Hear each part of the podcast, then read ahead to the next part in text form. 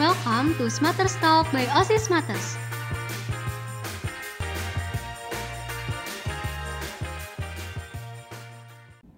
Halo Sobat Smatter, selamat pagi, selamat siang, selamat sore, selamat malam.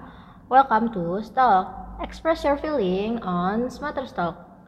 Balik lagi sama Nanes di sini. Hari ini aku ditemenin sama Titania. Halo Sobat Smatters Di chapter 2 ini kita berdua bakalan bahas soal people pleaser. Sebelum kita bahas lebih lanjut, kalian tahu nggak sih apa arti dari people pleaser itu sendiri? Nah, pengertian dari people pleaser itu sendiri adalah menyenangkan orang pada umumnya melampaui kebaikan yang sederhana. Dan kalau dari artikel yang aku baca, menurut Myers, people pleaser itu adalah dorongan untuk menyenangkan orang lain dapat merusak diri kita sendiri dengan membiarkan keinginan orang lain menjadi lebih penting daripada kebutuhan kita sendiri. Tapi kamu sendiri nih Titania, pernah nggak sih ngerasa nggak enak banget buat nolak permintaan orang lain? Pernah banget sih kak, dan dari artikel yang aku baca, sebenarnya tuh aku bisa dibilang aku termasuk ke dalam golongan people pleaser ini. Contohnya, aku suka banget yang namanya merendahkan diri sendiri, karena people pleaser itu beranggapan dirinya hanya layak dicintai jika memberikan segalanya kepada orang lain. Padahal kan Anes, kita tuh nggak ada salahnya kan untuk jadi diri sendiri. Terus kamu pernah gak sih ngerasa kayak kehilangan diri kamu cuman karena kamu tuh pengen buat orang lain tuh senang gitu? Pernah banget karena apa yang aku rasain aku tuh harus banget ngebagain orang orang itu lebih dahulu daripada diri aku sendiri karena aku ngerasa itu sebuah kebahagiaan yang lain gitu dari diri aku. Kayak kamu ngerasa senang kalau kamu habis bikin orang lain tuh senang. Bener.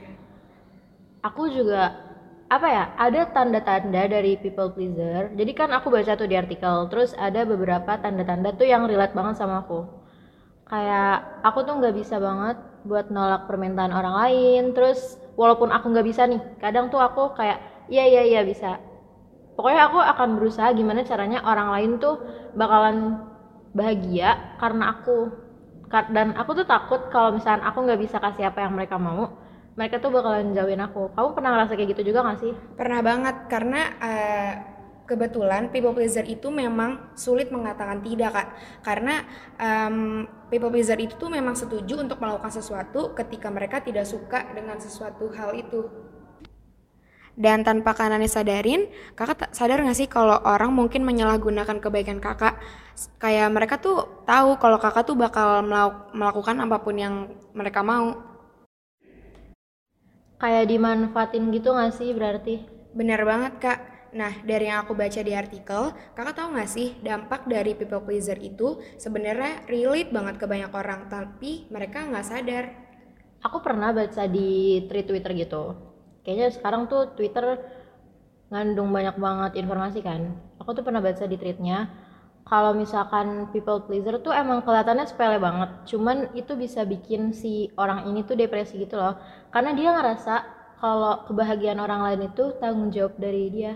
Yeah. terus dia ngerasa dia bertanggung jawab buat bikin orang lain senang mulu. Terus kayak orang mau apa tuh dia harus ngelakuin. Bener. Dan lebih parahnya lagi tuh kita bener-bener bisa stres dari fisik juga stres dan psikis pun juga bakal terluka dan itu bener-bener suatu hal yang kita harus hindarin. Tapi susah gitu gak sih kalau misalnya mau hindarin karena ya kan emang dasarnya tuh orang nggak enakan kan? Bener. kayak aku mau dibilang kayak ya nggak boleh kayak gitu karena nanti begini gini gini. Kalau misalnya dasarnya aku emang udah nggak enak dan nggak bisa nolak ya udah aku bakalan tetap bilang iya iya gitu. Terus kamu ngerasa gini gak sih? Kamu termasuk yang people pleaser gitu kan kamu pernah nggak ngerasain susah beropini karena nggak enak sama orang yang opininya tuh beda dari kamu? Benar, karena aku itu orang yang benar-benar tidak suka pertengkaran apalagi konflik. Jadi aku lebih baik menghindari konflik, lebih baik aku meredam apa yang aku rasakan atau apa apa yang aku sebenarnya ingin berpendapat gitu loh. Kayak ya udah kalau misalnya kamu tahu pendapatnya dia beda, kamu nggak akan ngomong pendapat kamu. Iya, betul banget aku tuh sering sih kayak gitu kayak misalnya kan harusnya bertukar opini cuman aku tuh paham diri aku dan aku ngerasa kalau aku bisa nerima pendapat orang lain yang beda kan. Sementara aku nggak tahu nih orang ini tuh bisa apa nggak nerima pendapat aku. Makanya kalau misalnya aku udah tahu opini orang itu beda sama aku biasanya aku yang kayak oh ya udah aku nggak akan beropini tapi aku nggak dengerin mereka dan ya udah oke gitu. Ya, padahal eh, sebenarnya mengutamakan kebutuhan kita sendiri itu benar-benar bukan hal yang egois kak. Karena menurut aku, menurut aku tuh kayak nggak ada salahnya loh kalau kita beropini, nggak ada salahnya loh kita mengungkapkan perasaan kita. Tapi apalagi di zaman yang kayak gini, itu susah banget kan eh, untuk mengekspresikan apa yang kita mau sebenarnya. kayak jadi mau ngapa-ngapain tuh takut takut nyindir orang Iya, takut nyakitin orang atau eh, kamu pernah gak sih kayak mau beropini atau mau ngepost sesuatu di sosmed terus kamu nggak jadi kamu delete lagi Iya, terlalu bisa dibilang insecure, bisa dibilang takut dipandang orang seperti apa. Padahal ya udah. padahal orang juga belum tentu kan Iya, mikirin nggak- kita nggak betul- nggak tentu peduli juga gitu. terus ngerasa overthinking takut orang tuh mikir yang enggak-enggak soal kita Iya, takut orang tuh mikir kalau kita begini kita begitu selalu berusaha buat kita harus kelihatan baik iya. Dan apalagi kita itu orang yang sering meminta maaf, walaupun kita itu tidak salah. Dan kayak eh, kita tuh harus kayak udah siap aja deh, eh, udah nggak apa-apa deh, eh, aku disalahin nggak apa-apa. Ya udah biar kelar gitu, deh, biar biar cepet. biar cepet gitu lah. Nah, aku punya temen nih kak. Eh, kalau di kubu bisa dibilang dia tuh orang yang paling vokal lah. Dia tuh yang paling menentukan pilihan, paling em, paling apa ya? Paling bisa dibilang tuh bener-bener yang banyak apa ya banyak apa sih namanya kayak dominan gitu ya paling dominan lah gitu. Dan aku tuh orang yang tipe yang bener-bener menghindari konflik yang aku bilang tadi. Dan aku paling orang yang ya udahlah, oke deh. eh, padahal aku tuh nggak suka sama sesuatu hal itu gitu loh. Kalau kalian sendiri ada nggak sih pengalaman kayak gitu?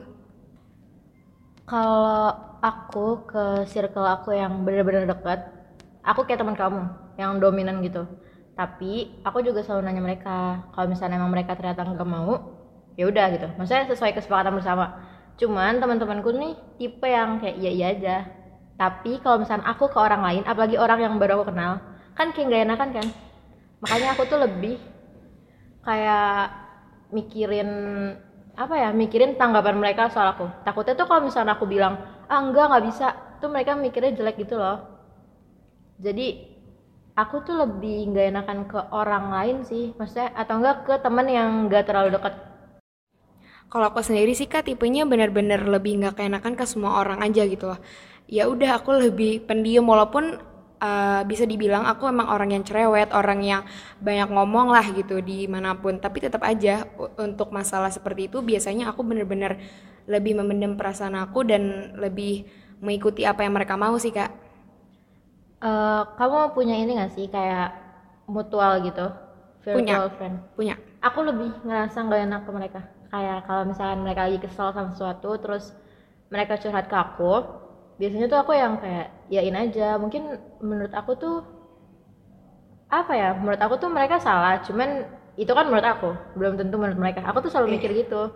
Selalu mikir kalau beda kepala beda isi. Jadi aku nggak pernah ngeluarin pendapat aku gitu loh. Karena takutnya karena takutnya aku yang salah Iya betul. Aku paham sih karena saya kayak gitu.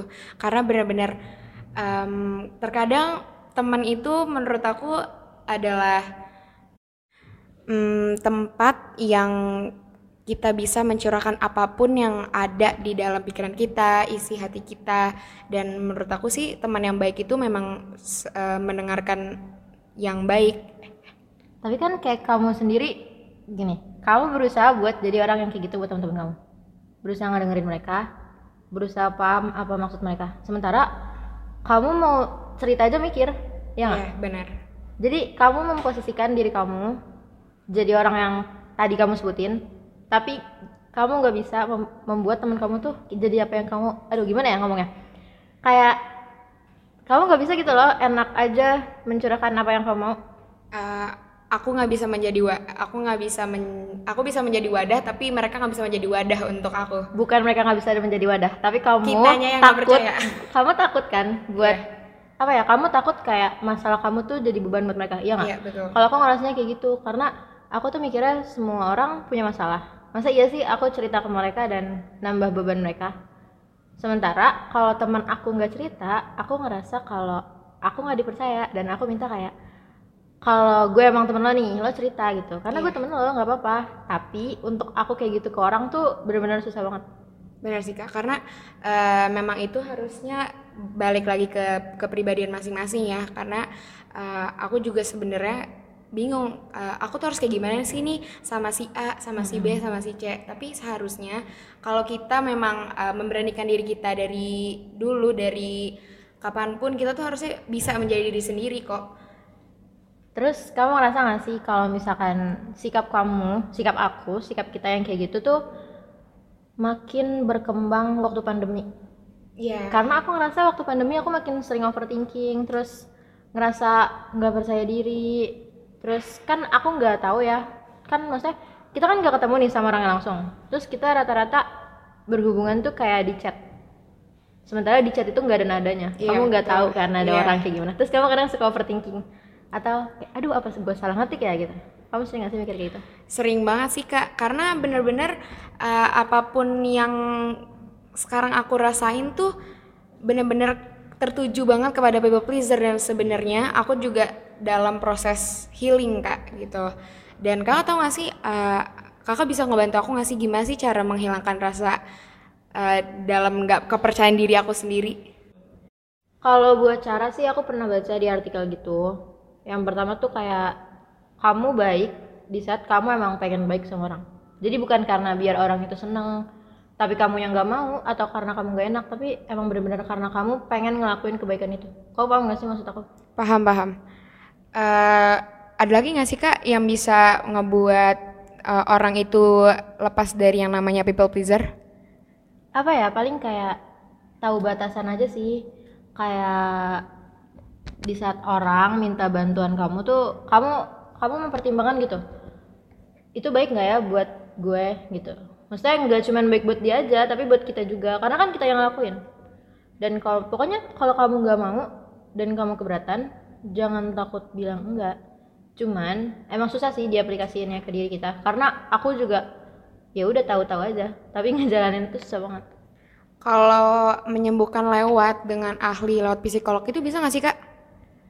Bisa sih itu termasuk di artikel yang aku baca tuh ada ada juga yang kayak gitu.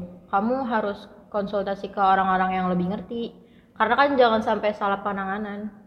Setuju sih kak, dan inget ya buat Sobat Smarters yang rasa susah buat menjadi diri kalian lebih baik lagi, kalian bisa konsultasi ke yang lebih ahli. nah kayaknya pembahasan kita soal people pleaser udah dulu nih. Makasih ya Titania udah nemenin Makasih juga eh, Kak Nanes dan semua yang udah dengari podcast ini dan jangan lupa buat dengerin chapter-chapter selanjutnya ya.